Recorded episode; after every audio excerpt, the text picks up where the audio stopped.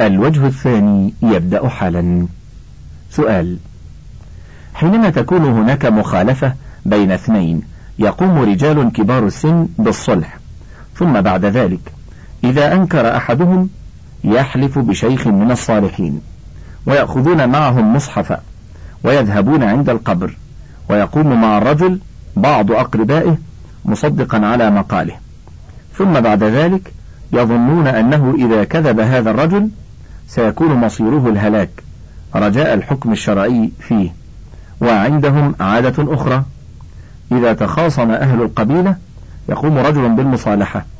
ثم بعد ذلك يجعل على أحدهم ذبيحة وعشرة جنيهات حتى يرضي الآخر وتكون بعد ذلك المصالحة. جواب لا يجوز الحلف بغير الله لعموم الأدلة الصحيحة الدالة على ذلك. والحلف بشيخ من الصالحين حلف بغير الله فينبغي نصح من يفعل ذلك. وبيان أن ذلك محرم وقد يكون شركا أكبر إذا حلف بهذا الصالح تعظيما له كما ينبغي لله جل وعلا. والذهاب إلى أي قبر من القبور للحلف عنده بدعة ومنكر لا يجوز ومن وسائل الشرك. وأما ما يجعله الرجل من الذبيحة والجنيهات مقابل الصلح فلا نعلم به بأسا إذا تراضى عليه الطرفان. وبالله التوفيق وصلى الله على نبينا محمد وآله وصحبه وسلم. سؤال عندنا في السودان كثير من الناس يحلفون بالمشايخ وبالأضرحة وقد يحصل هذا داخل المحاكم الشرعية حيث إنه إذا طلب القاضي من الظالم أن يحلف على المصحف حلف كاذبا دون أن يتردد. أما إذا قال له القاضي احلف بالضريح امتنع من الحلف واعترف بظلمه ظنا منه أنه إذا حلف بالضريح أصيب بضرر لأن الضريح في نظره يضر وينفع. فما الحكم في ذلك؟ وهل يجوز للقاضي أن يحلف بالضريح أن يحلف بالضريح أو بالشيخ؟ وقد أفتى لنا أحد العلماء بجواز الحلف بالضريح وترك المصحف وقال إنه يجوز لاسترداد حق المظلوم إذا دعت الضرورة لذلك فما مدى صحة هذه الفتوى؟ أرجو توضيح ذلك بالأدلة إذا تكرمتم. جزاكم الله عن المسلمين خيرا. جواب يحرم الحلف بالضريح أو الشيخ ولا يجوز للقاضي أن يطلب الحلف بهما لما ثبت من قول النبي صلى الله عليه وسلم من حلف بغير الله فقد كفر أو أشرك واليمين المشروعة إنما تكون بلفظ الجلالة. أو اسم من أسمائه أو صفة من صفاته. وبالله التوفيق وصلى الله على نبينا محمد وآله وصحبه وسلم. سؤال هل يجوز الحلف بالقرآن؟ وهل يجوز الحلف بغير الله؟ جواب يجوز الحلف بالقرآن لأنه كلام الله وكلامه صفة من صفاته تعالى. أما الحلف بغير الله فلا يجوز بقول النبي صلى الله عليه وسلم من حلف بغير الله فقد أشرك. وصلى الله على نبينا محمد وآله وصحبه وسلم. الخوف. سؤال. كيف يكون المرء قوي الإيمان مطبقا لأوامر الله خائفا من عقابه؟ جواب. يكون ذلك بتلاوة كتاب الله ودراسته وتدبر معانيه وأحكامه.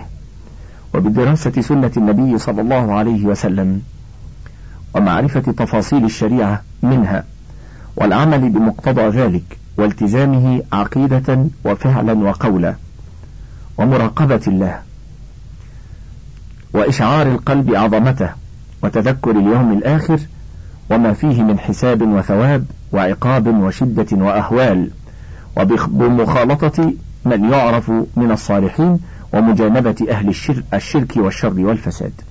وصلى الله على نبينا محمد وآله وصحبه وسلم.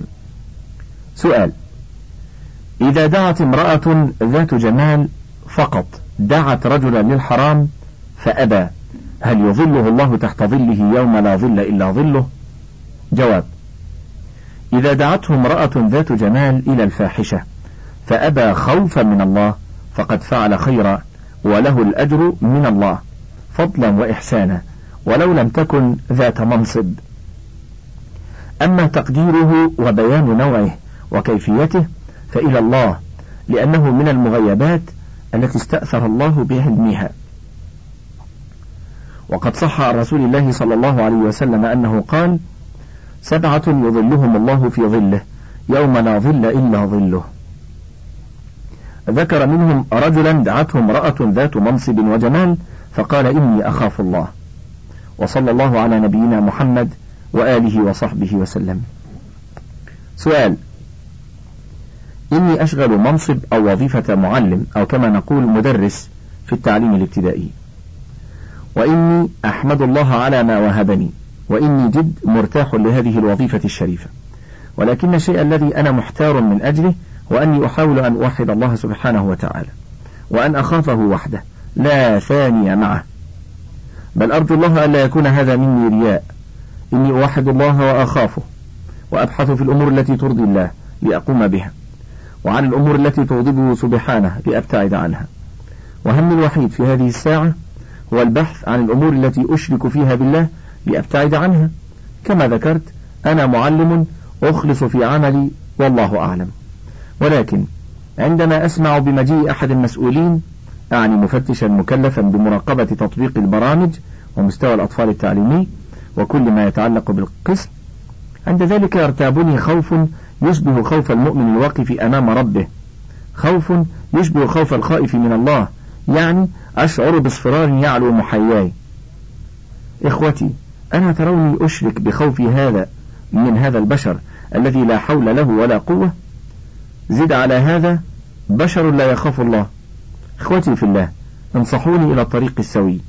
إن كان هذا يوقعني في الشرك بالله سبحانه وتعالى. إن الحسرة لتكاد تمزق أحشائي. وأزيدكم توضيحا هو أني أحاول أن أضاعف الجهود عندما أشعر بمجيء أحد المراقبين. أنصحوني أرشدوني إلى الطريق السوي وجزاكم الله خيرا. جواب الخوف من الله من أفضل مقامات الدين وأجلها وهو من أجمع أنواع العبادة التي أمر الله سبحانه بإخلاصها له. قال تعالى فلا تخافوهم وخافون إن كنتم مؤمنين. سورة آل عمران. ووعد سبحانه من حقق مقام الخوف منه بجنتين فقال فقال سبحانه وتعالى ولمن خاف مقام ربه جنتان. سورة الرحمن. وأثنى على الملائكة بأنهم يخافون ربهم من فوقهم فقال تعالى يخافون ربهم من فوقهم. سورة هود. وغير ذلك من الآيات في القرآن كثيرة. وقد ذكر الشيخ عبد الرحمن ابن حسن في كتابه فتح المجيد أن الخوف ثلاثة أقسام. أحدها خوف السر وهو أن يخاف من غير الله من وثن أو طاغوت أن يصيبه بما يكره. كما قال تعالى عن قوم هود عليه, عليه السلام إنهم قالوا له إن نقول إلا اعتراك بعض آلهتنا بسوء قال إني أشهد الله واشهدوا أني بريء. واشهدوا أني بريء مما تشركون من دونه فكيدوني جميعا ثم لا تنظرون. سورة هود. وقال تعالى ويخوفونك بالذين من دونه. سورة الزمر. وهذا هو الواقع من عباد القبور ونحوها من الأوثان يخافونها ويخوفون بها أهل التوحيد إذا أنكروا عبادتها وأمروا بإخلاص العبادة لله وهذا ينافي التوحيد. الثاني أن يترك الإنسان ما يجب عليه خوفا من بعض الناس فهذا محرم وهو نوع من الشرك بالله المنافي لكمال التوحيد وهذا هو سبب نزول هذه الآية. الذين قال لهم الناس إن الناس قد جمعوا لكم فاخشوهم فزادهم إيمانا وقالوا حسبنا الله ونعم الوكيل. فانقلبوا بنعمة من الله وفضل لم يمسسهم سوء. واتبعوا رضوان الله والله ذو فضل عظيم. إنما ذلكم الشيطان يخوف أولياءه. فلا تخافوهم وخافون إن كنتم مؤمنين. سورة آل عمران. الثالث الخوف الطبيعي وهو الخوف من عدو أو سبع أو غير ذلك. فهذا لا يذم كما قال تعالى في قصة موسى عليه السلام فخرج منها خائفا يترقب. سورة القصص. من هذا يظهر أن خوفك من المراقب من النوع الثالث أي الخوف الطبيعي. فعليك بإخلاص العمل دائما سواء حضر المراقب أو لم يحضر. وأن تضاعف جهودك في تعليم الطلاب ما ينفعهم وتقوي إيمانهم بكثرة قراءة القرآن وتدبره والعمل به وأداء الصلاة في وقتها وغير ذلك من شرائع الإسلام. نسأل الله لنا ولك الثبات والتوفيق للعمل الصالح. والله الموفق. وصلى الله على نبينا محمد وآله وصحبه وسلم. سؤال. أخاف من عذاب الله تبارك وتعالى ووعيده ولكن همتي في العمل ضعيفة جدا. فعندما أقرأ في كتب علماء الأمة من السلف الصالح أجد أن النبي صلى الله عليه وسلم وأصحابه كانوا يعملون في كل أبواب الخير وكانوا يبكون وينزلون أنفسهم منزلة العصاة. فماذا أفعل حتى أدخل الجنة وأنجو من النار وأحشر مع الصالحين؟ جواب الخوف من الله ومن وعيده وعذابه مما يحمد شرعا ومما يزيد العبد في تقوى الله. فيبعثه على فعل أوامره واجتناب ما نهى عنه سبحانه وتعالى. فأخلص قلبك لله وأصدق في خشيتك منه لتقوى عزيمتك على فعل الطاعة والبعد عن المعصية. وأكثر من قراءة القرآن مع تدبر واعتبار ليكون لك عظة ومنهجا. ومن القراءة في سيرة الرسول صلى الله عليه وسلم وأصحابه رضي الله عنهم لتتخذ لنفسك من عملهم أسوة وتسلك ما سلكوه من طرق الخير. كتب الله لنا ولك التوفيق وقوة العزيمة في العقيدة والعمل الصالح. وصلى الله على نبينا محمد وآله وصحبه وسلم. سؤال قال رسول الله صلى الله عليه وسلم كان رجل يسرف على نفسه فلما حضره الموت قال لبنيه إذا مت فأحرقوني ثم اطحنوني ثم ذروني في الريح فوالله لئن قدر الله علي ليعذبني عذابا ما عذبه أحدا. فلما مات فعل به ذلك. فأمر الله الأرض فقال اجمعي ما فيك ففعلت. فإذا هو قائم فقال ما حملك على ما صنعت؟ قال خشيتك يا ربي. أو قال مخافتك. فغفر له. جواب الحمد لله والصلاة والسلام على من لا نبي بعده. وبعد. أخرج الإمام البخاري في صحيحه في باب الخوف من الله. حدثنا عثمان بن أبي شيبة حدثنا جرير عن منصور عن ربعي عن حذيفة عن النبي صلى الله عليه وسلم قال كان رجل ممن كان قبلكم يسيء الظن بعمله فقال لأهله إذا أنا مت فخذوني فذروني في البحر في يوم صائف. ففعلوا به فجمعه الله ثم قال ما حملك على الذي صنعت؟ قال ما حملني عليه إلا مخافتك. فغفر له. حاشية البخاري ومسلم. انتهت. حدثنا موسى حدثنا معتمر سمعت أبي حدثنا قتادة عن عقبة ابن عبد الغافر عن أبي سعيد رضي الله عنه عن النبي صلى الله عليه وسلم. ذكر رجلا في من كان سلف أو قبلكم آتاه الله مالا وولدا يعني أعطاه. قال فلما حضر قال لبنيه أي أب كنت لكم؟ قالوا خير أب. قال فإنه لم يبتئر عند الله خيرا. فسرها قتادة لم يدخر. وفسرها قتادة لم يدخر. وإن يقدم على الله يعذبه. فانظروا إذا مت فأحرقوني. حتى إذا صرت فحما فاسحقوني.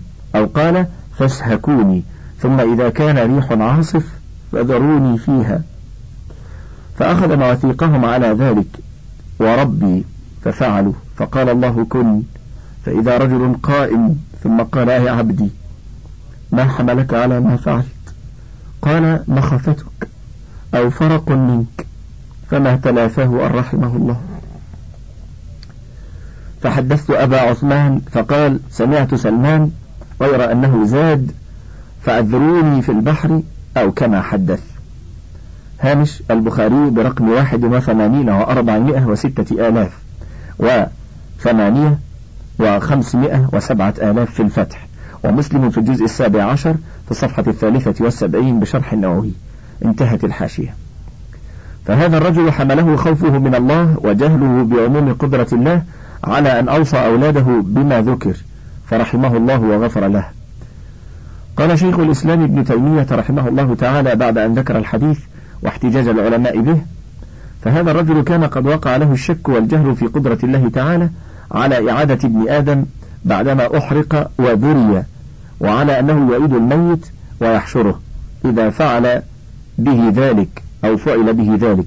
وهذان أصلان عظيمان. أحدهما متعلق بالله تعالى وهو الإيمان بأنه على كل شيء قدير. والثاني متعلق باليوم الآخر وهو الإيمان بأن الله يعيد هذا الميت ويجزيه على أعماله. ومع هذا فلما كان مؤمنا بالله في الجملة ومؤمنا باليوم الآخر في الجملة وهو أن الله يثيب ويعاقب بعد الموت وقد عمل عملا صالحا وهو خوفه من الله أن يعاقبه على ذنوبه. غفر الله له بما كان منه من الإيمان بالله واليوم الآخر والعمل الصالح. هامش مجموع الفتاوى لشيخ الإسلام ابن تيمية في الجزء الأول في الصفحة الواحدة والتسعين بعد الأربعمائة. انتهى. وبالله التوفيق وصلى الله على نبينا محمد وآله وصحبه وسلم. اليأس من رحمة الله. سؤال آية في القرآن الكريم يقول فيها المولى عز وجل بسم الله الرحمن الرحيم. قل يا عبادي الذين أسرفوا على أنفسهم لا تقنطوا من رحمة الله. إن الله يغفر الذنوب جميعا. صدق الله العظيم. وبعض المفسرين يقول بهذه الآية إن الله سبحانه وتعالى يغفر كل الذنوب بما فيها الشرك. فهل المقصود هنا الشرك الأصغر أو الأكبر أو كلاهما؟ جواب قوله تعالى قل يا عبادي الذين أسرفوا على أنفسهم لا تقنطوا من رحمة الله إن الله يغفر الذنوب جميعا. إنه هو الغفور الرحيم. سورة الزمر. نهي منه لعباده أن ييأسوا من رحمته. ووعد أكيد منه سبحانه بأنه يغفر الذنوب جميعا صغيرها وكبيرها وما كان شركا أصغره أو أكبره لمن تاب منها فهي عامة في كل ذنب لمن تاب منه كما قال تعالى وإني لغفار لمن تاب وآمن وعمل صالحا ثم اهتدى. سورة طه. وبالله التوفيق وصلى الله على نبينا محمد وآله وصحبه وسلم. التوكل. سؤال إن جماعة من طلبة العلم مر عليهم في قراءتهم في حديث أن أعرابيا جاء إلى النبي صلى الله عليه وسلم فقال أعقل ولا توكل؟ قال أعقل ناقتك وتوكل على الله. لكن قال أناس إن هذا الحديث ليس بثابت. أرجو الإفادة هل هو صحيح أم لا؟ جواب الحمد لله والصلاة والسلام على رسوله وآله وبعد. روى الترمذي في سننه من طريق أنس رضي الله عنه قال قال رجل يا رسول الله أعقلها وأتوكل أو أطلقها وأتوكل؟ قال صلى الله عليه وسلم أعقلها وتوكل.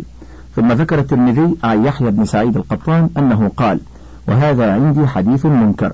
ثم قال الترمذي وهذا غريب من حديث أنس لا نعرفه إلا من هذا الوجه. قال الترمذي وقد روي عن عمرو بن أمية الضمري عن النبي صلى الله عليه وسلم نحو هذا.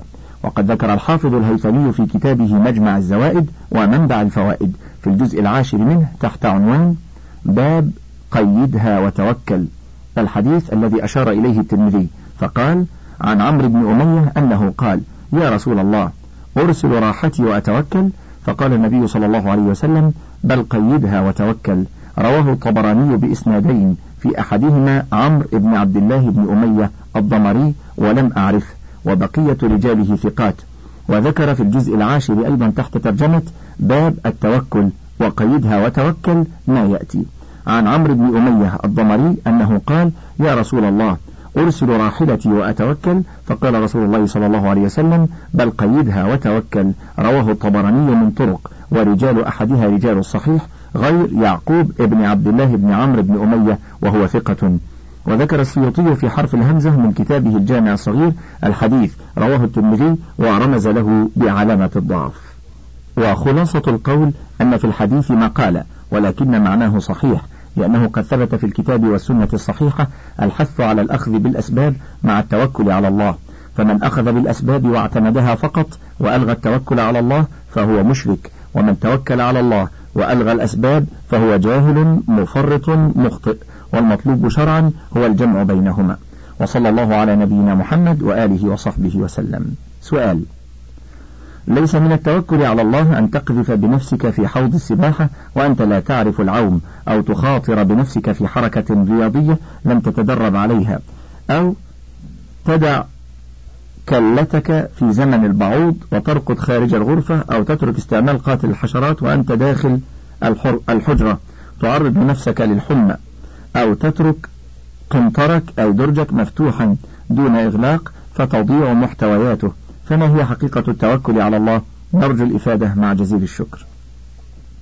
جواب التوكل على الله تفويض الأمر إليه تعالى وحده وهو واجب بل أصل من أصول الإيمان لقوله تعالى وعلى الله فتوكلوا إن كنتم مؤمنين وهو من الأسباب المعنوية القوية لتحقيق المطلوب وقضاء المصالح. لكن على المؤمن أن يضم إليه ما تيسر له من الأسباب الأخرى سواء كانت من العبادات كالدعاء والصلاة والصدقة وصلة الأرحام أم كانت من الماديات التي جرت سنة الله بترتيب مسبباتها عليها. كالأمثلة التي ذكر السائل في استفتائه ونحوها اقتداء برسول الله صلى الله عليه وسلم فإنه خير المتوكلين. وكان يأخذ بالأسباب الأخرى المناسبة مع كمال توكله على الله تعالى. فمن ترك الأسباب الأخرى مع تيسرها واكتفى بالتوكل فهو مخالف لهدي رسول الله صلى الله عليه وسلم ويسمى توكله عجزا لا توكلا شرعيا. وصلى الله على نبينا محمد وآله وصحبه وسلم. سؤال إن لقبي عبد القوي فما حكمه في الإسلام؟ وهل يجوز القول توكلت على الله ثم عليك؟ أو كذلك أرجو منك يا أخي الإيضاح.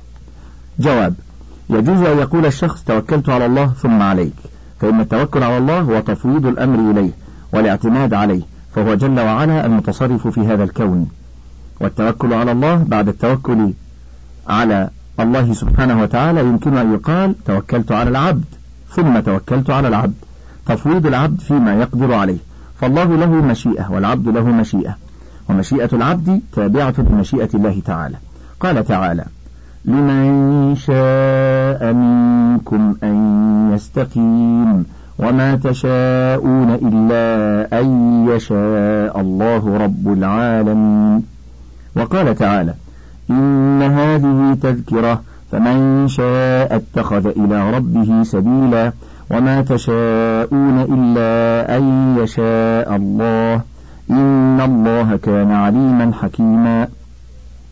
وقد أرشد النبي صلى الله عليه وسلم إلى أصل ذلك فروى النسائي وصححه عن قتيلة أن يهوديا أتى النبي صلى الله عليه وسلم فقال إنكم تشركون تقولون ما شاء الله وشئت وتقولون والكعبة. فأمرهم النبي صلى الله عليه وسلم إذا أرادوا أن يحلفوا أن يقولوا ورب الكعبة وأن يقولوا ما شاء الله ثم شئت. وصح عنه صلى الله عليه وسلم أنه قال لا تقولوا ما شاء الله وشاء فلان ولكن قولوا ما شاء الله ثم ما شاء فلان. أما التلقيب بعبد القوي وهكذا التسمي بهذا الاسم فلا بأس به لأن القوي من أسماء الله عز وجل. وبالله التوفيق وصلى الله على نبينا محمد وآله وصحبه وسلم. سؤال أحيانا أتخوف من المرض فما الواجب علي عمله؟ جواب ثق بالله وتوكل عليه واسأله العفو والعافية في الدنيا والآخرة. وتزود من الأعمال الصالحة لآخرتك. واجتنب أسباب الأمراض واتصل بالأطباء في المستشفيات العامة أو العيادات الخاصة. وسلهم عما بدا لك في ذلك. والله المستعان. وصلى الله على نبينا محمد وآله وصحبه وسلم. سؤال أريد شرحا وافيا لهذا الحديث حتى نفهمه الفهم الصحيح. لو تتوكلون على الله حق توكله لرزقكم كما يرزق الطير.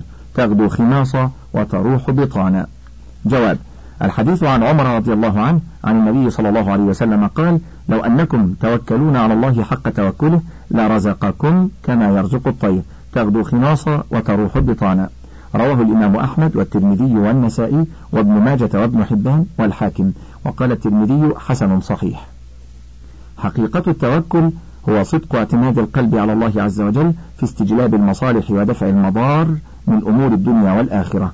ومعنى الحديث أن الناس لو حققوا التوكل على الله بقلوبهم واعتمدوا عليه اعتمادا كليا في جلب ما ينفعهم ودفع ما يضرهم وأخذوا بالأسباب المفيدة لساق إليهم أرزاقهم مع أدنى سبب كما يسوق إلى الطير أرزاقها بمجرد الغدو والرواح وهو نوع من الطلب ولكنه سعي يسير. وتحقيق التوكل لا ينافي السعي في الأسباب التي قدر الله سبحانه وتعالى المقدرات بها. وجرت سننه في خلقه بذلك فإن الله تعالى أمر بطاعات الأسباب مع أمره بالتوكل. فالسعي في الأسباب بالجوارح طاعة والتوكل بالقلب عليه إيمان به. قال تعالى واتقوا الله وعلى الله فليتوكل المؤمنون. فجعل التوكل مع التقوى التي هي القيام بالأسباب المأمور بها والتوكل بدون القيام بالأسباب المأمور بها عجز محض. وإن كان مشوبا بنوع من التوكل فلا ينبغي للعبد أن يجعل توكله عجزا ولا عجزه توكلا. بل يجعل توكله من جملة الأسباب التي لا يتم المقصود إلا بها كلها. وبالله التوفيق وصلى الله على نبينا محمد وآله وصحبه وسلم. الغلو في الدين. سؤال ما الحد الذي إذا إذا زاد عنه الإنسان في الدين يعتبر غلوا؟ وما تعريف الغلو؟ وكذلك حد التفريط في الدين. جواب الحد الذي إذا زاد عليه في الدين يعتبر غلوا هو الزيادة عن المشروع والغلو هو التعمق في الشيء والتكلف فيه. وقد نهى النبي صلى الله عليه وسلم عن الغلو فقال إياكم والغلو في الدين فإنما أهلك من كان قبلكم الغلو في الدين. رواه أحمد وغيره بإسناد صحيح. أما التفريط فهو التقصير في القيام بما أوجب الله من فعل بعض المعاصي كالزنا والغيبة والنميمة. أو ترك بعض الواجبات كبر الوالدين وصلة الأرحام ورد السلام ونحو ذلك وبالله التوفيق. وصلى الله على نبينا محمد وآله وصحبه وسلم. سؤال من هم المتفيهقون؟ جواب الحمد لله وحده والصلاة والسلام على رسوله وآله وصحبه. وبعد هم المتكلفون في الكلام المتنطعون فيه. وبالله التوفيق. وصلى الله على نبينا محمد وآله وصحبه وسلم. انتهى الشريط السابع من كتاب فتاوى اللجنة الدائمة للبحوث العلمية والإفتاء جمع وترتيب الشيخ أحمد بن عبد الرزاق الدويش المجلد الأول العقيدة. ويتلوه الشريط الثامن والذي مبدأه بموضوع الغلو في القبور وبناء المساجد عليها.